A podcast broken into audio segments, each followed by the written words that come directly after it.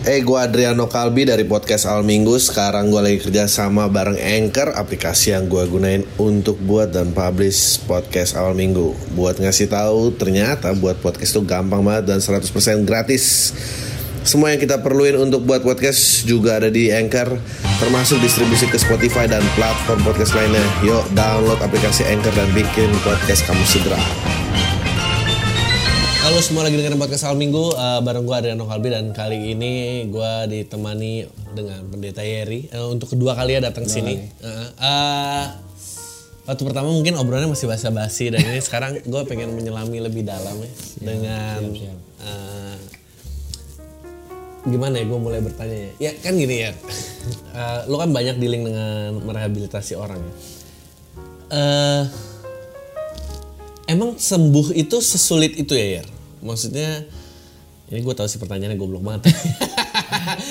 Tapi, o- o- oke gue tahu kalau Putau memang eh, ki- kita pun ada kecanduan fisik ya. Jadi kalau kita di sudden drop kita bisa mati gitu. Tapi banyak banget drugs yang lain eh, hanya psikis. Eh, yang menyebab, oke gini deh gue ganti. Ah, yang menyebabkan orang sulit dari keluar dari adiksinya itu apa sih? Iya karena tiga area tadi yang nggak disasar gitu, nggak nggak terlalu tersentuh. Oke. Iya jadi memang satu sisi memang eh, orang sulit keluar, tapi satu sisi banyak penanganan juga yang nggak tepat sasaran, gitu. Makanya dia kemungkinannya relapse atau balik lagi gede, balik lagi ke penjara, balik lagi gede gitu. Karena memang eh, ketiga hal ini dan kadang ini menjadi sebuah sesuatu yang kompleks. Kadang-kadang orang ada yang psikis dulu akhirnya ke drugs. Ada yang gara-gara ngedrugs ke, ke ke psikis. Oke, jadi misalnya orang ini eh, bipolar, Ya. terus dia eh, memakai drugs untuk menstabilin diri dia gitu, self diagnose gitu ya. Iya, ada yang dia nggak bisa tidur, udah dia cari aja yang eh, depresan buat bisa tidur gitu. Tapi ada juga orang yang biasa aja, begitu lu sering pakai drugs, ke unlock. It, ya, itu itunya kebuka. Akhirnya muncul gejala-gejala. Makanya ketika orang pakai kayak sabu, inek yang memang merangsang untuk eh, apa terjadi gejala. Kayak kayak gue lah, gue dulu pernah ngalamin. Jadi sekali nyokap pulang nangis dia. Karena dia ngeliat gue lagi ngobrol sama pohon bro. Oh. gitu. Tadinya sih enggak ngobrol sama kursi, ah, teriak-teriak gitu. Dia kan bingung gimana nih, karena eh, kemungkinan besarnya itu kan sesuatu yang permanen. Ya, jadi kalau misalnya orang sakit jantung, ada cangkok jantung, ginjal ada, otak itu nggak ada cangkoknya. Jadi sangat besar kemungkinan itu bisa terjadi sesuatu yang sifatnya permanen. I- di case lo, apakah itu menjadi permanen apa? Enggak, enggak. Ya kan kita ngobrol. ya nggak maksudnya apakah Iya, sempat iya, stay dalam beberapa periode Iya, yang jadi lama? nah makanya ketika itu dihandle, misalnya dalam eh, ketika gue lagi nggak nyambung, tetap ada keluarga yang ngajak ngobrol, orang-orang yang menganggap gue waras, meskipun gue kadang-kadang waktu itu dan itu akhirnya perlahan-lahan. Terus juga ada hal-hal rohani yang gue konsumsi dan komunitas dan atmosfer yang sehat setiap hari yang dibangun lama-lama akan berangsur-angsur. Tapi gue percaya banget bisa pulih, gitu, bisa pulih. Em, masih ada memori, eh, nggak nggak ingat sama sekali ya? Memori ada. Ini Saya kayak, Eh. ke- kenapa ngob- bisa sampai ngobrol sama kursi misalnya? Oh kayak gitu. Jadi gue nggak tahu ya kan waktu itu gue pakai hampir semua. Habis itu gue berobat dokter. Gue nggak tahu dokter ini ngasih obat apa ya, gitu. Jadi gue dikasih dulu jam 2 harus minum, jam 4 harus minum, jam 8 harus minum. Jadi sekali gue minum sekali 20 gitu. Terus gue nggak sadar dibawa ke rumah sakit. Nah akhirnya terjadi kadang-kadang balik gitu loh kayak kayak orang bad trip gitu balik. Ih kok gue ngomong sama Gayung. Eh, Duh, duh, duh, duh, duh. Tapi habis itu gitu lagi. oh. Jadi kalau di dalam ingetnya jadi skip skip skip skip. Gue inget dulu. Jadi pernah satu kali gue ngeliat pesawat terbang itu kan kalau siang-siang gitu kan itu di di tengah keramaian. Terus gue lihat berubah bentuk jadi UFO bro. Terus gue teriak kenceng "Ah, tolong jangan culik saya. orang gila, orang gila gue digeliling gitu. Itu gue ingat gitu loh. Nah makanya kalau orang tidak melihat ini sebagai se- salah satu bagian dari adiksi psikis dan fisik, maka orang akan adjustmentnya di ya bisa aja gue dibawa ke rumah sakit jiwa dan kelar dah gitu loh. Atau gue diperlakukan seperti penjahat gitu. Oh caranya gimana biar dia nggak gila? Udah borgol aja, udah masukin aja di sel. Ya kalau dia mau sembuh sembuh, kalau dia mau enggak ya ditambah gila ya gitu. Hmm. um, terus yang kenapa orang eh, dalam misalnya mengikuti rehab dia percaya eh, nggak gue bisa sembuh. Sembuh ini gampang gitu. Padahal kan nggak segampang itu gitu. Ya, jadi gini, ketika orang mulai ngedrugs, jadi defense yang paling kuat dan besar adalah dia bohong. Hmm. untuk mendapatkan apa yang dia mau dan dia bisa itu. Dan dia tahu dia akan selalu eh, dianggap eh, negatif ketika nggak sembuh. Dan ada stigma juga bahwa nggak bakal sembuh hanya bisa pulih. Makanya kadang dia mensounding ah gampang lah. Padahal dalam hatinya sih gampang dia dia nggak akan sedefense itu. Jadi kadang-kadang satu sisi itu salah satu bentuk defense dari dia nggak bisa menyelesaikan masalah A. Tapi dia pengen orang melihat dia bisa. Maka dia akan sounding ke semua apa sih kecil itu mah drugs eh kan apa sih itu? Ah, ciki lah inilah. Padahal dia udah 9 tahun nggak sembuh sembuh gitu. Nah, oke, nah itu menarik tuh. Bo- Bohong gue sampai nyampe di situ. Dia b- apa berbohong? Dia itu eh, sesuatu yang dia manufacture apa memang sebetulnya itu innocent act aja kayak ya enggak dia emang berpikiran bisa gitu. Atau emang eh, ada sesuatu yang kompleks di kepala dia kalau bilang gue biasa biar semua orang Iya. anggap gue normal. Ya, ketika dia ngomong bisa yang sehat, biasanya itu hasil dari akumulasi program kah atau progres kah atau apakah. Tapi ketika belum ada itu, maka apa pun akan di akan dibuat seperti makanya eh, ya s- orang bisa hidup dalam dua identitas. Benar-benar waktu dia lagi dalam dunianya, dalam artian tanduknya muncul gitu kan.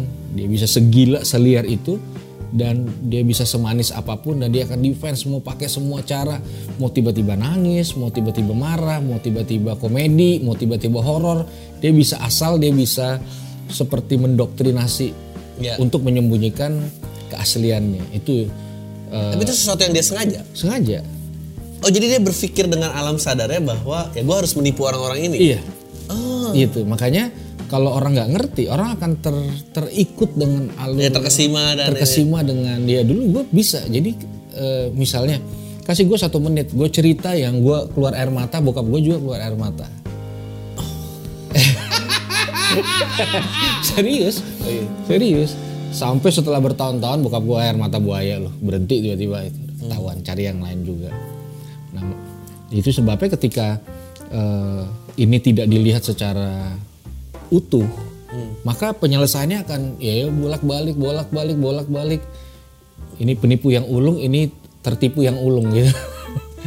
Makanya kadang-kadang apa pasien yang berpengalaman bisa ngalahin kapasitas dokter yang berpengalaman. Oh, kayak adu ilmu gitu ya dia gue ini gue akan oh. gitu loh Eh, Oke, apakah skill berbohong itu eh, memang orang naturally dia kreatif dalam berbohong atau setelah dia terpojok dalam adiksi dia harus cari keluar semakin pintar cari jalan keluar. karena adiksi karena drugs itu kan dia ibaratnya minoritas. Kalau dia, dia di sekolah dia harus mengkreat supaya dia jangan ketahuan. Dia di rumah juga gitu dia di kampus dia gitu dia di tempat ibadah apalagi. Jadi nggak ada ruang yang eh, selamat datang pecandu nggak nggak ada. Jadi di mana pun dia berada mungkin dia tempat paling dia dinikmat ya di kamar mandi which is cuma dia sendiri. Nah untuk itu dia harus bisa mengkreat eh, berbagai macam kebohongan itu satu. Kedua, untuk mendapatkan eh, barang itu pun dia akan muter otak yang yang dan akhirnya ke kebangun skillnya. Contoh dulu temen gua waktu zaman kerusuhan dulu. Jadi gue berdua sama dia nih naik mobil kijang. Nah waktu itu ada bangkai-bangkai mobil yang harus dibakar-bakar. Tiba-tiba dia ngeliat bangkai mobil kijang nih. Tut, dia berhenti sebentar nggak lama 10 menit. Ngapain nih orang nih? Set dia pergi ke rumah bandar. Digade mobilnya. Dapat narkoba dia telepon bokapnya. Dia cuma kasih wa- waktu jeda mungkin setengah menit terus dia nangis. Pak, mobil aku dibakar orang, Pak. Mobil aku dibakar orang. Tek, bokapnya datang ke bangkai mobil itu. Oh canggih, nggak apa-apa yang penting kamu selamat mobil mau bisa dicari udah kita rayakan dengan mabuk bersama Wow. seperti itu jadi akhirnya ter- ter- terakumulasi jadi makanya main kucing-kucingan ya percuma sih percuma sih kadal-kadalan gitu tapi kalau misalnya the, the person nggak doing drugs, tapi dia constantly lying, itu ken- Yeah. kenapa sih manusia tuh? Jadi kalau nggak tahu ya, ini kan pandangan-pandangan Iya. gue ya, defense. ya. Jadi ada satu realita yang real yang dia nggak bisa terima dengan atau berdamai dengan realita itu.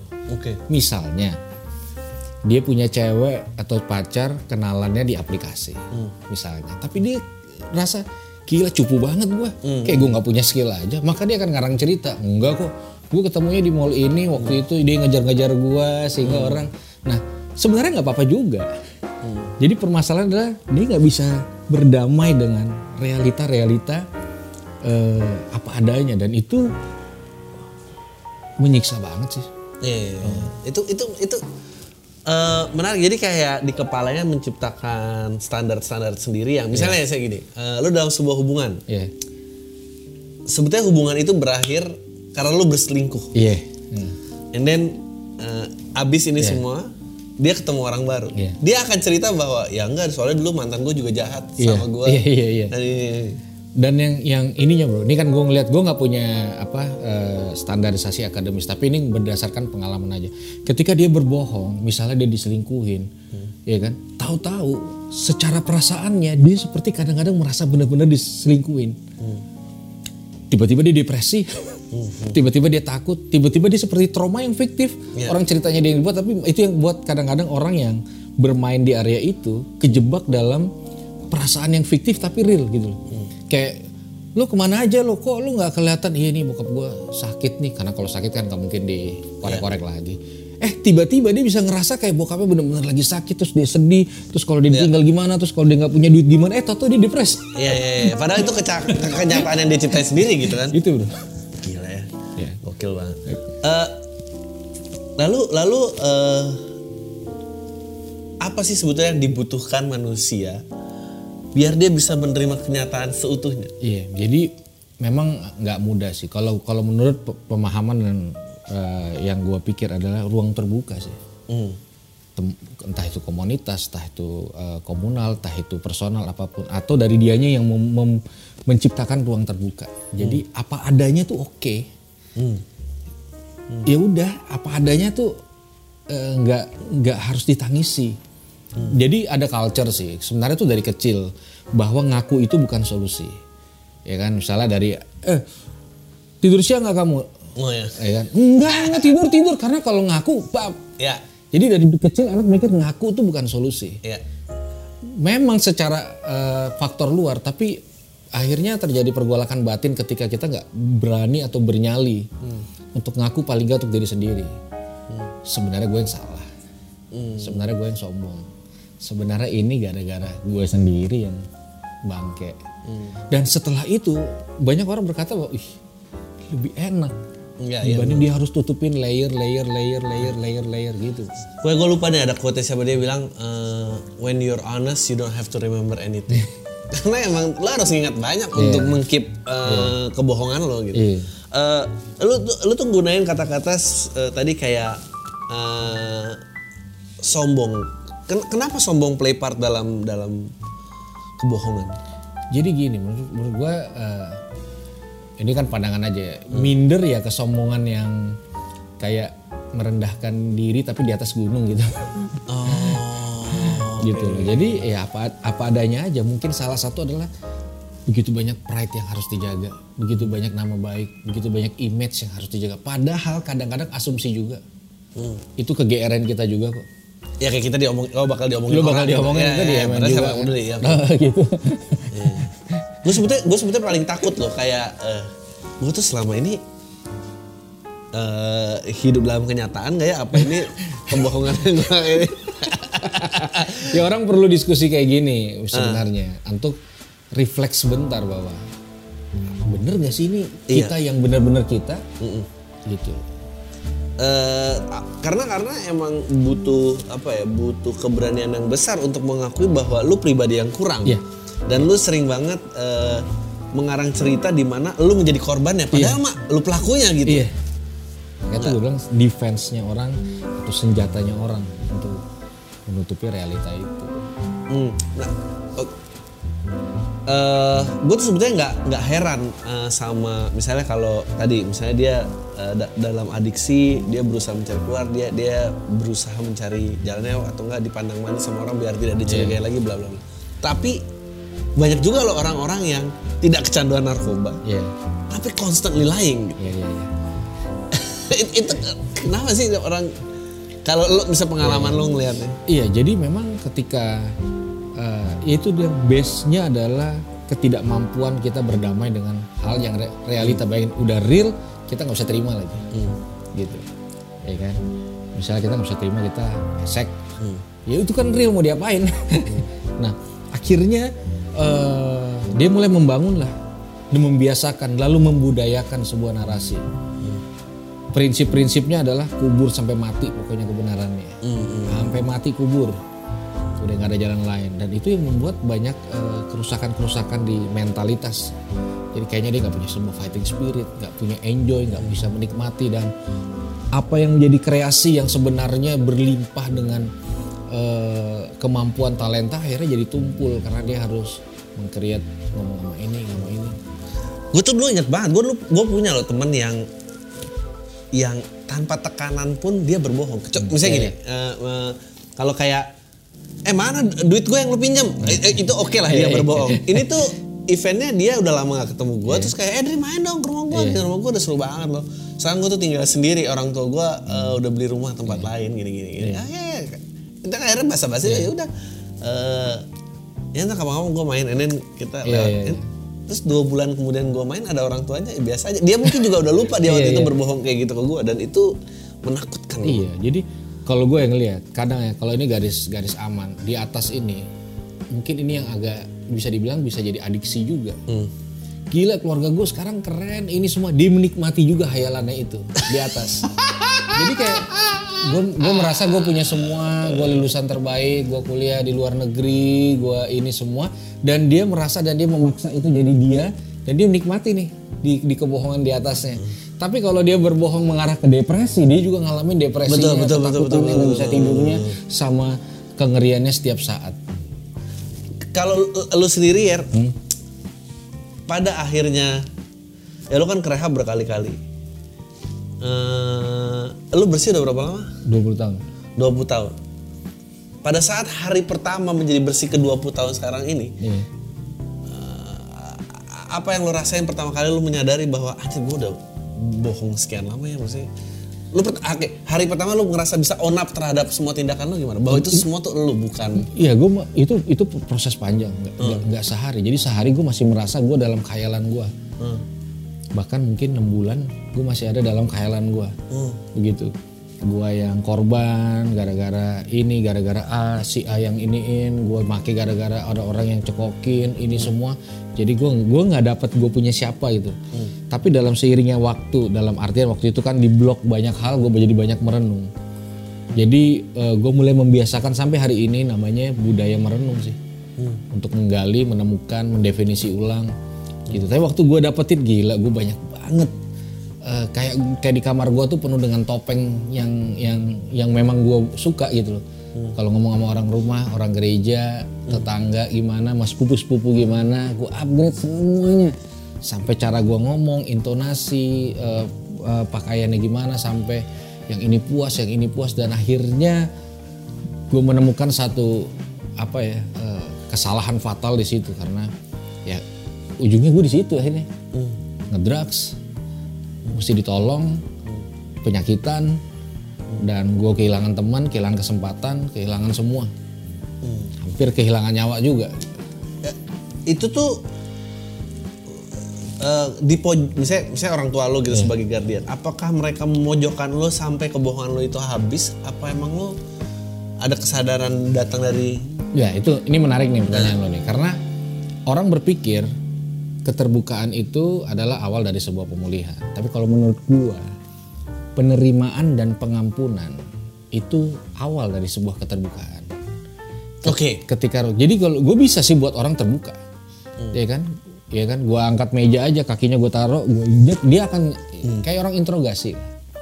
Tapi eh, sumurnya nggak nggak apa akarnya nggak selesai. Setelah itu dia akan sakit nggak? Enggak enggak enggak padahal sakit. Sama aja.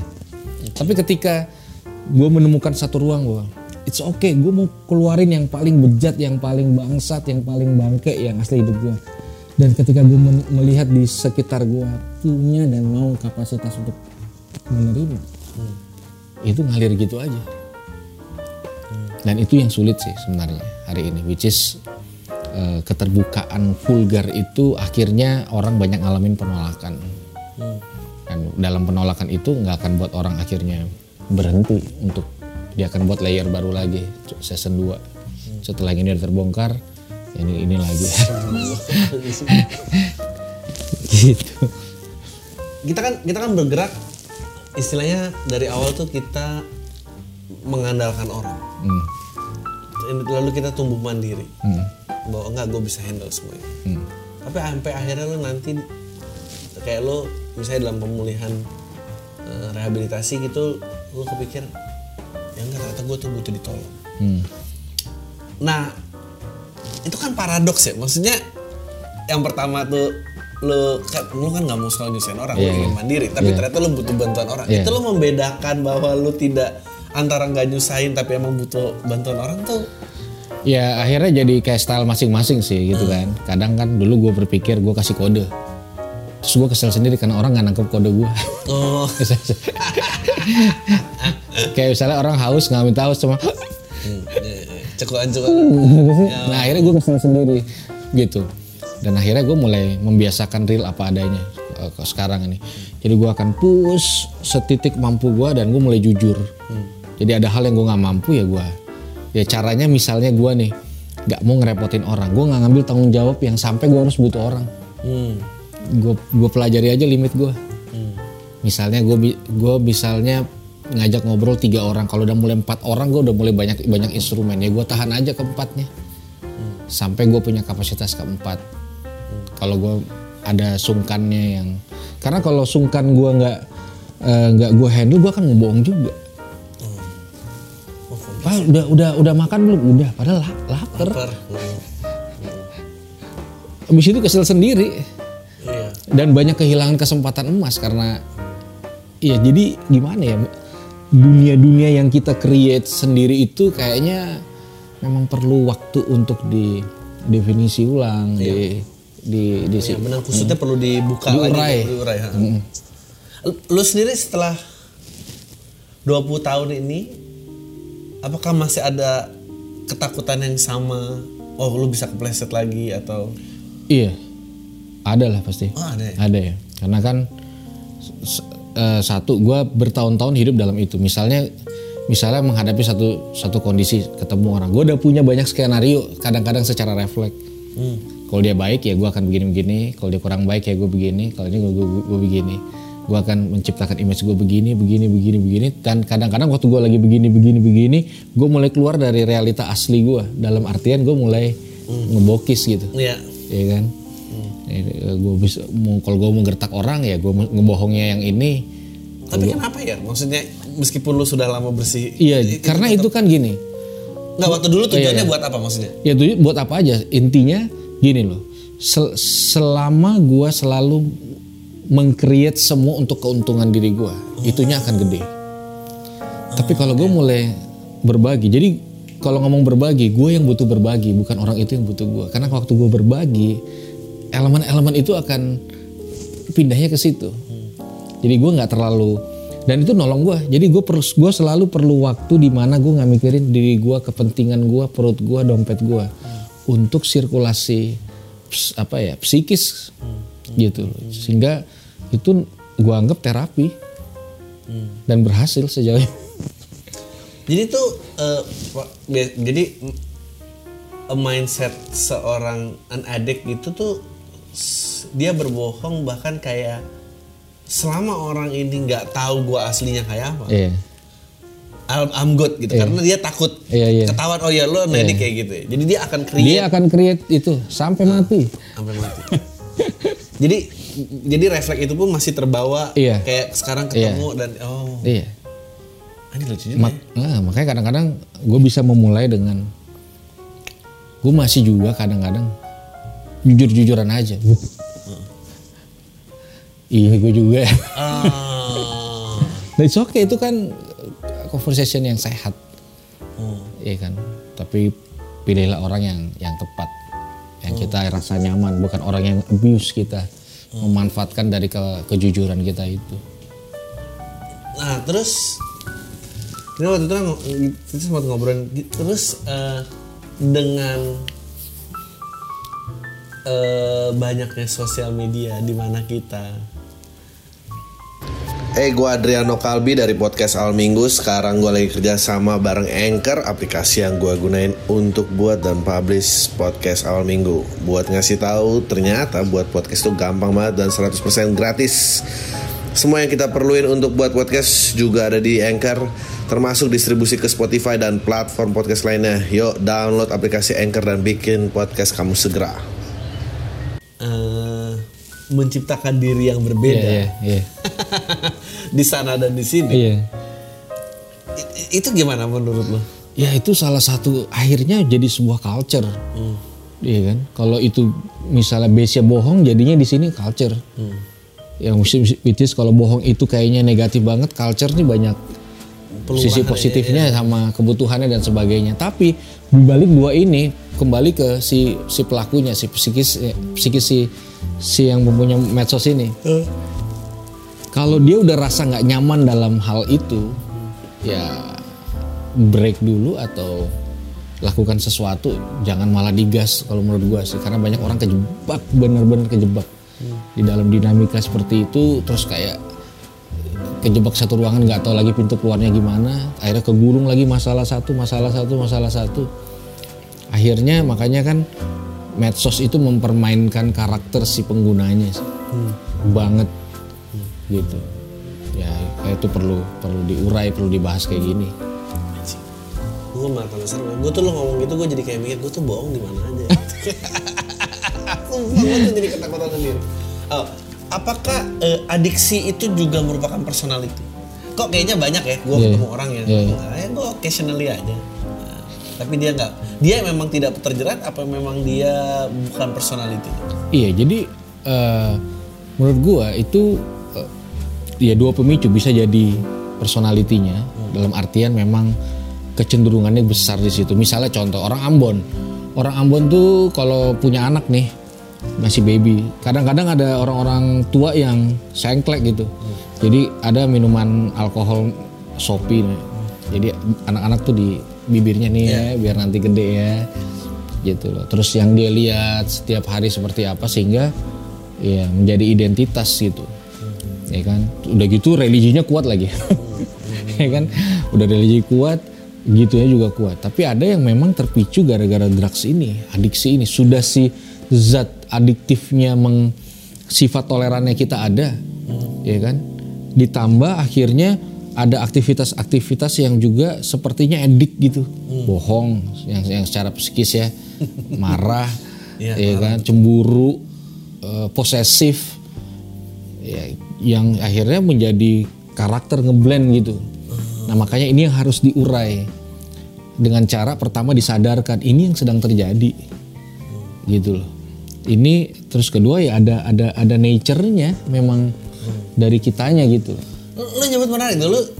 Jadi cemburu tuh juga salah satu sifat yang bikin kita tuh keluar dari nature aslinya ya. Maksudnya Iya, jadi kan mis- misalnya kayak eh, ya intinya kan bisa membuat kita kayak gini lah, posesif. Posesif tuh menurut gue gini, kalau gue punya hanya punya gue. Kalau gue nggak punya, orang lain nggak boleh sentuh ini juga, Iya. gitu kan. Akhirnya kan muncul create. Sama kalau orang cemburu, kayak dulu nih, ini dulu nih ya kan, gue eh, cara gue dapetin eh, misalnya yang gue mau dari satu cewek. Tuh korek api zaman dulu tuh yang yang batang kan? Itu kan kalau dipatahin kan ada bekas patahannya. Iya. nah itu bro kalau lo goretin di tangan gini persis 100% kayak orang nyilet. Hmm. jadi gue gitu aja. Terus gue ketemu cewek gue nih lihat gara-gara lu aduh jangan gitu jangan gitu jangan gitu nih lihat sih ya jadi akhirnya jadi culture yang which is perlu ada sebuah Culture maksudnya jadi kebiasaan. jadi kebiasaan. ya. Jadi jadi kebiasaan dan itu mulai eh gila seru oh, iya, serius. Oh iya iya zaman dulu kan gitu. Udah eh, apa Sprite, Insto bla bla bla bla bla bla orang punya. Tapi intinya kan dia akan untuk mendapatkan yang dia mau, dia akan eh, memanipulasi. Ah. Lo ada nggak? eh eh sorry ini udah berapa menit?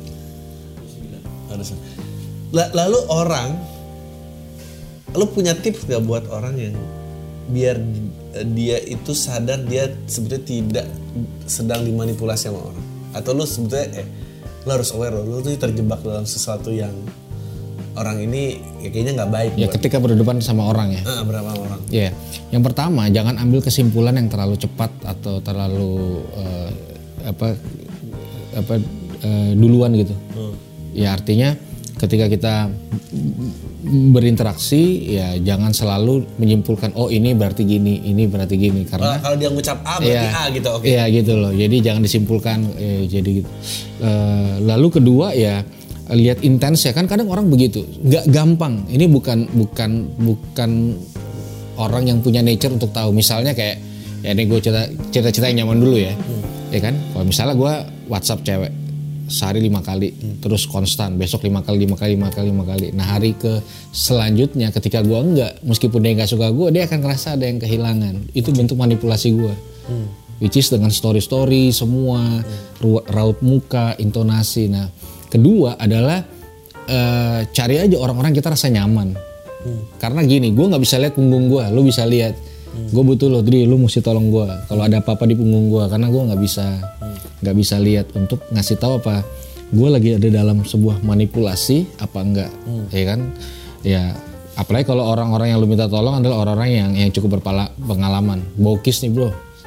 Coba deh lu gini gini gini pasti dia akan gini tuh kan? Gitu. Nah kita ya intinya kita sadar dulu baru kita eh, cari hal lain atau pertolongan lain gitu sih. Which is tuh nggak mudah bro.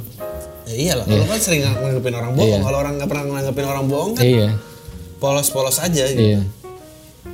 Coba lihat pasangan anda mas. Maka emang cinta terlihat. Eh, Iya sebetulnya ya ciri-ciri yang biasanya suka em, mudah detek- deteksi juga kayak kemarahan yang berlebihan. Iya. Kalau melihat sesuatu yang kayaknya nggak pada porsinya.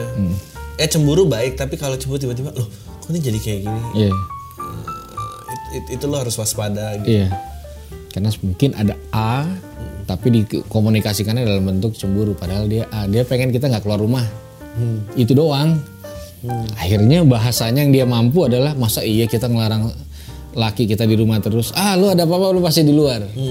Kalau nggak ada lu di rumah dong. Oh iya berhasil. Padahal itu manipulasi. Kadang eh, ya otak lu terlalu cepat kan lu jadi udah nyampe sana lu lupa source awalnya tuh apa Iya. gitu. Ya ya benar benar sepakat padahal ngomong as it is tuh paling baik.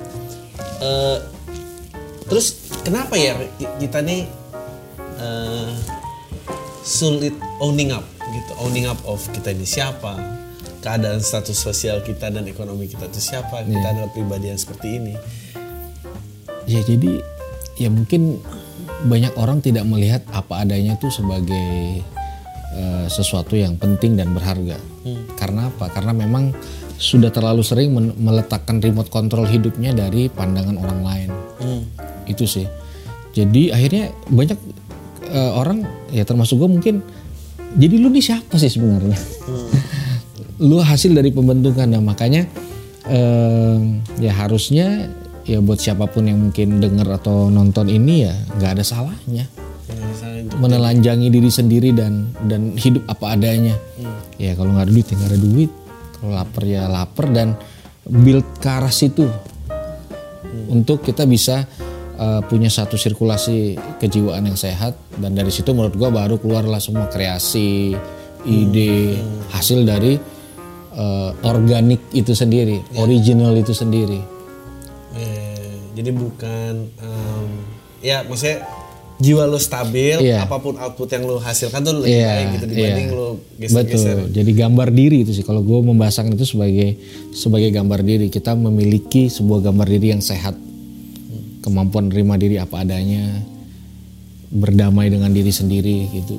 Eh, lu kan sering eh, lu kan mengampanyakan eh, hayah hadir ya gitu. Iya. Eh, ya mungkin juga banyak kali yang nonton tuh udah ayah muda dan segala macam Eh, m- sebagai ya sekarang udah menjadi guardian atau lo pengen menasihati ayah lo gi- gi- gimana caranya ya maksudnya jika ada eh, misalnya anak lo nih tidak sesuai dengan Iya. ekspektasi lo Iya.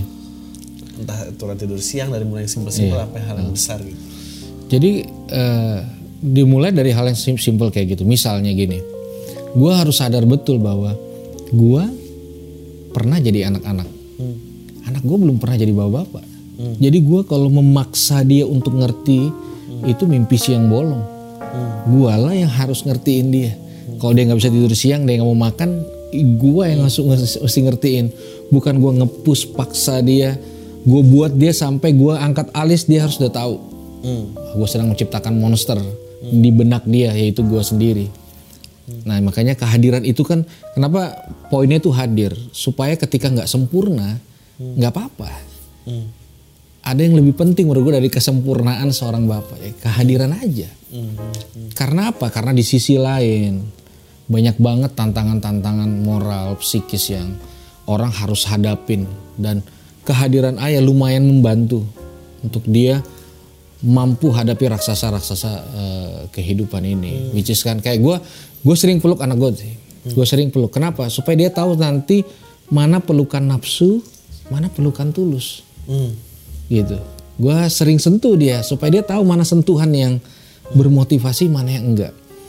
Jadi gue itu cinta pertamanya. Gitu. Bagaimana gambarannya dia nanti tentang laki-laki idamannya ya di di di gua. Gitu loh. Nah, itu makanya betapa pentingnya sebuah representatif. Which is gue juga ngalamin pemulihan dari dari bokap gue yang kayak gitu.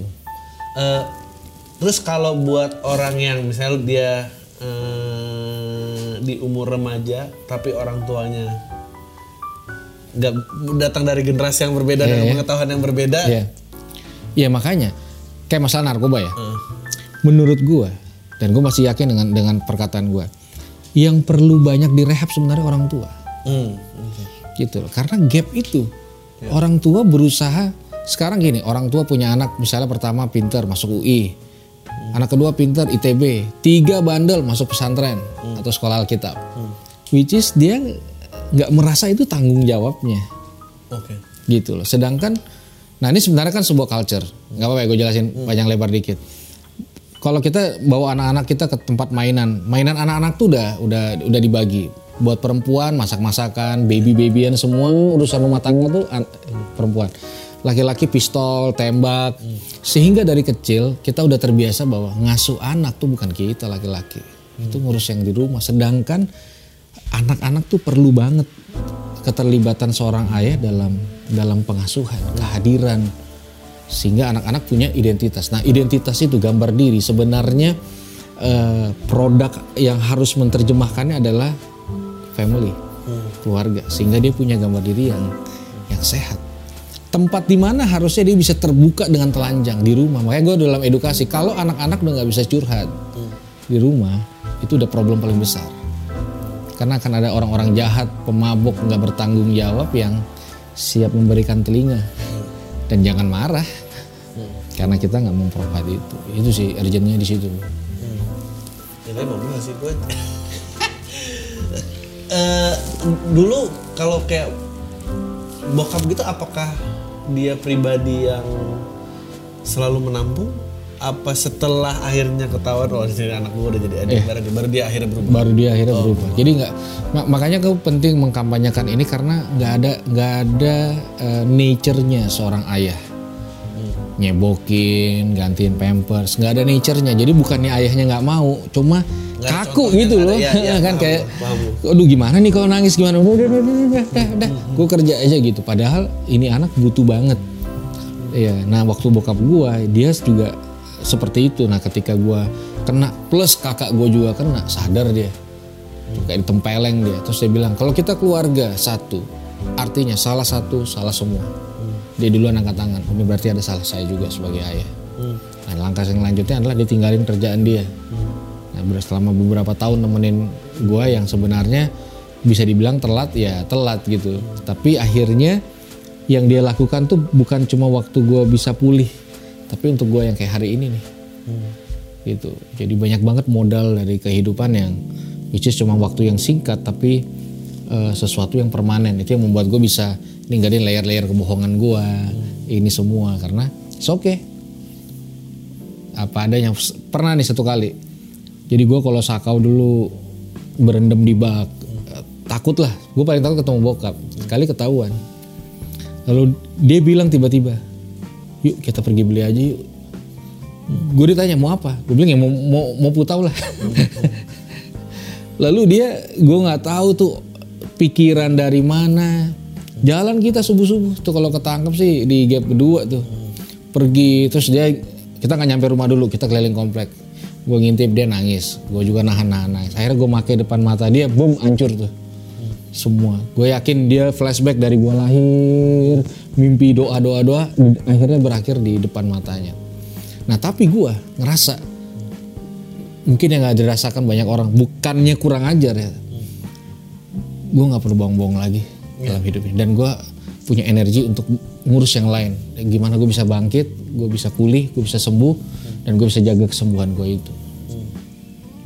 Ya eh, ya memang maksudnya sebagai orang tua juga kalau lo udah mencoba metode yang sama terus lo ngarepin hasil yang berbeda kan iya nggak nggak mungkin. Jadi mau nggak mau dia pasti udah ketrap dia mau balik tuh kayak gue udah coba semua nggak bisa. Ya udah deh. Kalian ini coba kalau gue cater kayak apa. Ternyata di situ jawabannya justru kan.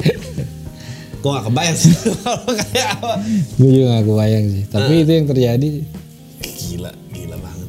Eh nah gue gua gua tahu eh history lo eh, dan eh, yang merupakan juga sekarang udah menjadi panggilan lo gitu eh, untuk untuk selalu menolong, orang. Nah tapi kalau di luar dari alasan itu ya gimana caranya nggak kehilangan faith akan se- seorang gitu bahwa dia tuh oh ini bisa sembuh nih nangkep kayak- jadi gini kan ada orang yang Iya, iya. nggak ada apa-apa. Ini iya iya. Ini ini eh, apa opini yang yang nggak nggak populer. Artinya nggak semua orang sepakat dengan gua. Buat gua sebuah keberhasilan ada di ketika orang ini masih mau berusaha bukan berhasilnya. Hmm. jadi gua nggak pernah menaruh keberhasilannya adalah ketika dia berhenti.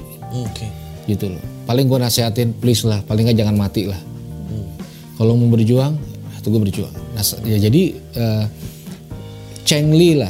Iya, iya, iya. ya kan ini udah 20 20 kali nih. Udah udah 100 kali. Masih mau?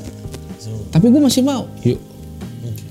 Karena di situ letak setting goal gue oke. Mau dia gimana ujungnya gue nggak terlalu bermain di situ. Karena banyak faktor. Ada orang yang punya pendukung banyak ada yang punya uang banyak ada yang bisa rehab Iya. ya kan kalau artis ketangkep dia nyari kerja masih gampang. Tapi kalau anak belangsatan bawa jembatan mau gimana udah kelar ngurus surat kelakuan baik juga nggak bisa mau kerja apa ya? Akhirnya ya begitu lagi. Eh, kenapa penting untuk melepaskan semua pressure iya waktu lu berhadapan sama an addict gitu? Kayak lu bilang ya udah lu yang penting nggak- mati deh. Iya. gua nggak usah ngarep lu jadi presiden. Iya, iya. Karena karena gini, gue tahu kok bahwa banyak faktor termasuk faktor dia yang yang ini. Jadi kayak gini, air setengah. Gue mau lihatnya dari mana? Kok belum penuh sih? Kalau gue udah bagus setengah. oke Jadi selalu gue melihat bahwa pasti ada sisi positif di tengah. Jadi tapi itu jadi satu kayak petualangan gitu loh bro. Kayak lu mencari sesuatu di tengah gundukan tai ada sesuatu yang kalau buat gue pribadi menarik. tapi kayaknya tidak sama orang-orang lain. Iya, enggak, enggak lu, lu, ya lu, eh, ya gue bilang ini berkali-kali, lu dan Habib Hussein tuh, Hussein Jafar tuh menurut gue dua orang yang menurut gue auranya sangat sangat tenang dan gue sebetulnya juga tanpa sadar eh, mencari ketenangan itu. Mungkin karena gue dulu juga pribadi yang gelisah ya. gitu. Iya, iya, Maksudnya, eh, ya gue ada fase gue nggak nggak nggak using drugs tapi gue ada fase di mana eh, melawan pressure tuh eh, nggak bagus gitu pribadi dan selalu s- salah orang lain se- bukan salah gue Iya, iya, iya. dan gue akan ciptain narasi di mana gue tuh selalu victimnya Iya, iya. Eh, dan itu cukup lama mengurai itu memang lama. Eh, lalu orang bisa tumbuh dan siap mental menghadapi dunia tuh gimana ya Yes. Apakah ya kan lu bilang dari keluarga, dari keluarga maksudnya gimana? Eh, itu kan satu support system yang punya. Jadi kayak misalnya contoh segmentasi drugs. Drugs orang make apa pun itu ya. Kalau dia nggak menemukan yang lebih enak dari drugs, sulit. Iya sulit. Orang enak kok. Jangan katakan tidak. Orang enak. Gimana? Gitu. Kecuali ada sesuatu yang melampaui keenakannya ini. Dokter Bona Simulangit salah satu eh, prof di UI dia bilang gini. Ini, kalau bahasa vulgar gini, lu pernah orgasme nggak? Pernah. Masih mau nggak? Mau. Narkoba lebih. Lu aja yang ini masih mau. Apa kabar yang ini nih yang ya kurangnya eh, se- se- seperti itu. Jadi eh ya gue percayalah eh, bahwa semua bisa berprogres ke hal-hal yang baik sebenarnya sih. Gitu. Eh, nah itu tadi menarik ya bahwa ya ada, akhirnya ada dokter juga makanya memang ini barang Memang enak. itu, memang enak. Jadi gue dalam dalam mengkampanye gue tidak mengatakan meskipun kadang gue didorong untuk mengatakan bilang biar orang kapok nggak bisa. Campaign macam apa yang diterima masyarakat ya ini sekalian lah ya dengan peti mati, tulisan berdarah-darah, bahkan kalimat perang pun Iya. sulit. Siapa yang mau dengar dengan paparan slide berbanyak-banyak dan enak tapi tapi gitu loh. Kayak misalnya nih ya ini based on pelayanan da- eh, apa yang pernah gue lakukan sama beberapa orang. Drugs sama seks. Itu kombinasi seksi bener. Lo nyabu lo bisa ereksi 4 jam tapi nggak ejakulasi.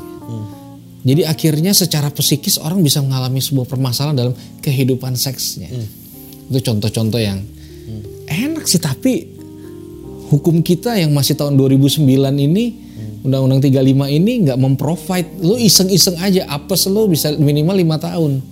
Gitu. Dan itu lebih kalau di masyarakat ya lebih lebih keterima sih bukannya mendorong atau memprovokasi tapi menjelaskan satu konsekuensi. Minimal lu lihat gue lah. Nggak semua bisa kayak gini. Ini, ini, ini menarik nih. Gue gue juga orang yang punya keskeptisan yang sama karena gue background gue advertising dan gue selalu sebel sama iklan-iklan layanan masyarakat. Katakan tidak ada mau mau mau dibikin ancaman yang mengerikan resiko peti mati apalah Iya, this high or that high apa itu eh, nggak itu nggak works. Begitu pula juga dengan bungkusan positif ya kayak Iya, iya. misalnya eh, keren tanpa narkoba apa sih lo gitu lo tau iya kan apa? benar gue pernah berargumen bahwa eh, apa waktu ada vonis beberapa orang yang yang divonis mati ber- yang yang gelombang keberapa gitu terus kalau dia gue tanya gue gue bilang gini gue dalam pengalaman makin narkoba lebih dari empat kali coba bunuh diri. Jadi gue belum dihukum mati gue udah hukum mati diri gue sendiri. Apa yang bisa gue buat bisa buat gue berhenti? Kepedulian kasih penerimaan kesempatan kedua rangkulan. Ya makanya eh, sulit eh, kalau tidak melibatkan orang yang pernah ngalamin dalam artian akhirnya penanganan-penanganan itu jalan di tempat gitu loh. Ken- Kenapa diterima itu penting ya? Maksudnya kena- kenapa sulit ya? Jadi sulit dari an adik kayak ya udah gue hidup normal nggak usah diterima orang juga nggak bisa. ya maksud maksudnya maksudnya gini eh, ketika dia ini dalam proses ya dalam ketika dia membuka dirinya apa adanya. Mah eh, sebenarnya eh, saya ngambil dompet mama tadi pagi. Itu kan sulit. Nah makanya kadang-kadang dilibatkan gue orang ketiga untuk ngasih tahu bu ini bukan aslinya begini. Kalau nggak ada unsur drugsnya nggak mungkin dikorek-korek duit, duit dia juga bececeran ke mana-mana. Oh gitu ya. Menetralisir. Maksud gue kalau nggak ada ruang terbukanya sulit untuk mau langkah Iya. nolnya itu sulit. Jadi ha- terbuka dulu baru kita bisa observe kita bisa tahu. Nah makanya yang harus disiapkan adalah keluarga ya. Ya terbuka. Misalnya dia HIV terus bagaimana ini banyak banget. Akhirnya gue dampingin teman-teman akhirnya meninggal. Karena dia nggak bisa terbuka sama orang tuanya. Udah akhirnya keluar dari mulutnya. Akhirnya orang tuanya apa? Nggak mau terima. Orang tuanya bilang ke yang lain-lain nggak nggak nggak. Akhirnya harusnya obat yang harus dipakai enggak gara-gara malu nama baik gengsi dan segala macamnya itu. Itu gue bilang kalau mau menyelesaikan masalah narkoba, paling tidak kita siapkan satu ruang sebuah keterbukaan yang sehat lah gitu. Ya, meng- uh, uh, you should never punish honesty memang. Iya, iya. Kalau uh, kalau emang gue jujur terus konsekuensi dihukum buat apa gue jujur gitu Iya, kan pasti kan. itu dia. Iya. Mendingan minta maaf aja daripada Iya. minta izin gitu. Gue juga. Eh, kan waktu itu kan kita pernah ngomong pertama bahwa eh, apakah eh, kalau orang make tuh oh keluarga bermasalah, lu bilang lu enggak, gitu lu biasa aja Iya. lu mencari ini. Eh, jadi bu, bu- jadi bukan kepribadian orang dong ya. Bukan. Nah ini ini hal lain lagi bro.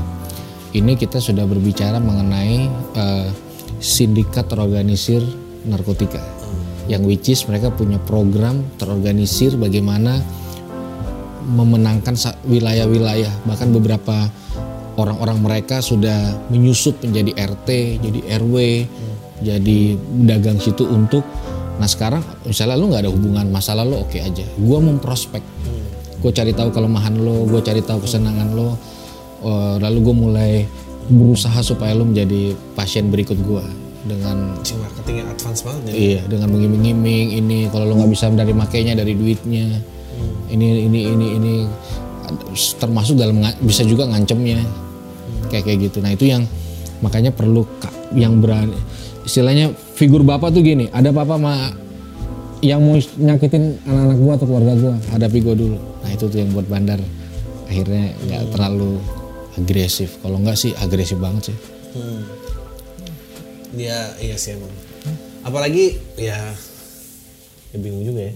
ya gue gua gua besar dulu eh ya gue dulu di Petukangan Selatan di Pesanggerahan gitu. Dan waktu tahun 94 Putau merebak sih mengerikan sih. Mengerikan, maksudnya eh, ya kehilangan temen juga dan apa. Meskipun gue waktu itu masih kecil tapi eh, sampai 98 tuh kayak waktu itu rame gitu. Dan mungkin lebih awal lagi mungkin 92 dan gue inget kayak sabu tuh justru belakangan PT dulu mungkin 97 kali baru ada Yeah. sabu. Yeah. Nah, dan dan benar maksudnya eh gue nggak tahu apakah zaman sekarang lebih baik apa lebih parah sih?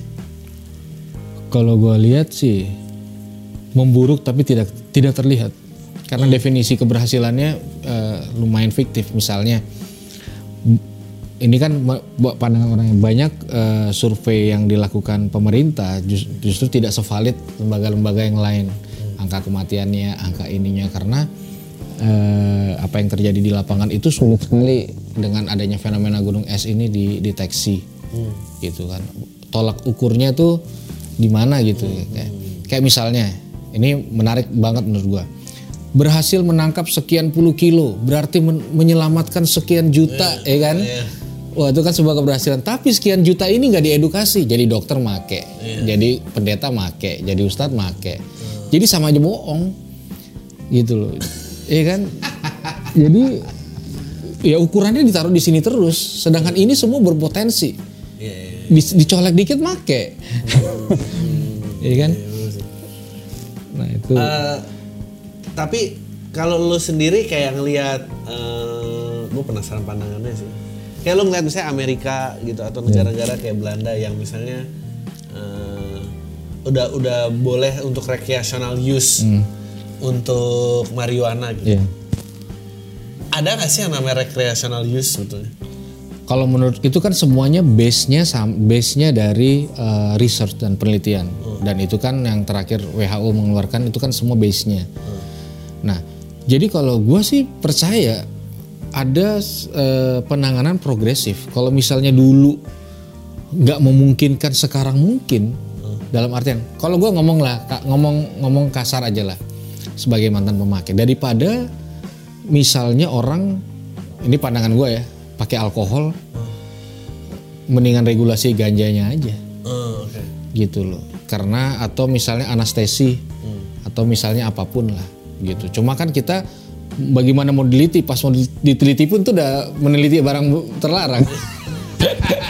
Ya progresnya jadi lambat ya. Iya, tapi gue percaya apa yang terjadi di di Amerika, di Kanada, di Colorado, di di bahkan beberapa eh, negara ASEAN juga udah mulai Bangkok atau eh, Singapura on progress Eh, iya berarti bukan yang kayak eh sebetulnya sangat tidak baik ngapain lo nggak gitu juga ya. Jadi based on research Iya. ini. Jadi kan di di ya makanya kan poinnya adalah edukasi. Percuma undang-undang alkohol dinaikkan kita nggak pernah menyentuh, ya kan kayak gitu kan biasanya. Oke, ini berapa menit? Oke, ini terakhir nih. Kalau lo mau ngasih nasihat sama orang-orang yang misalnya eh, dia itu sendiri lah, Iya. dia nggak deket sama orang tuanya gitu. Eh, melindungi diri itu bagaimana? Dari Ya narkoba gitu. Iya. Jadi ya gue gue percaya bahwa eh, setiap orang punya kemampuan support system yang memadai. Dia sadar tidak sadar, dikasih tahu tidak tahu gitu loh. Jadi eh, paling tidak mulailah dari memahami informasi ini sendiri. Jadi nggak polos gitu, ya kan. Kedua ya eh, selektif dalam beberapa hal. Jadi semua sifatnya proteksi sendiri gitu gitu. Jadi dia dia udah punya knowledge-nya. Which is kan sekarang banyak kasus-kasus tuker kepala orang-orang nggak pernah make di proses hukum juga. Iya itu kan. Jadi sekarang tuh sulit, makanya penting banget edukasi yang sehat gitu. Ya ketiga dia andai kata ada gejala atau mengarah ke sana, dia tahu misal si- siapa yang harus dia hubungin. Entah itu keluarganya, entah siapa harus ada tahu. Jadi dia harus punya satu dua tiga empat langkah ketika dia berurusan dengan eh, drugs eh, dunia drugs ini untuk memproteksi diri dia sendiri dan dan yang terakhir adalah eh, Yesus sulit karena dia tidak tersupport oleh keluarga. Ada kebutuhan-kebutuhan yang ini gue ngomong jujur apa adanya sepertinya terwadahi dengan drugs. Kebutuhan diterima kebutuhan diapresiasi kebutuhan untuk memenuhi kepuasan batin ini. Makanya banyak orang Dokter Aisyah Dahlan menyampaikan sebuah statement yang bagus banget tuh dokternya eh, Slankers. Rasanya narkoba itu sama seperti seorang anak yang sering dipeluk, dicium, dibelai sama bapaknya. Sama, meledak dopaminnya sama. Jadi sulit memang. Kalau dak dopamin di kepala itu. sama ketika ini anak ini anak dipeluk. Nah aku tresno BK BKW Ah, apa you are my beloved son. Kata-kata itu tuh meledakkan anak-anak dengan makanya dalam campaign gue bahwa bandar jualan aja waktu orang tua berfungsi nggak bakal laku karena dia menemukan itu tapi kalau enggak nah itu yang gue perlu dorong teman-teman eh ayolah pedulilah paling nggak tepuk bahu paling nggak apa kayak untuk meredam kebutuhannya itu ada orang-orang positif di sekitarnya Well, ya udah sih itu aja obrolan. Thank you banget, Ger. Gue sih seneng banget ya kita banyak mengcover dari mulai ayam mental yang tidak stabil, mencari support system. Eh, ya thank you banget ya. Roman. siap thank you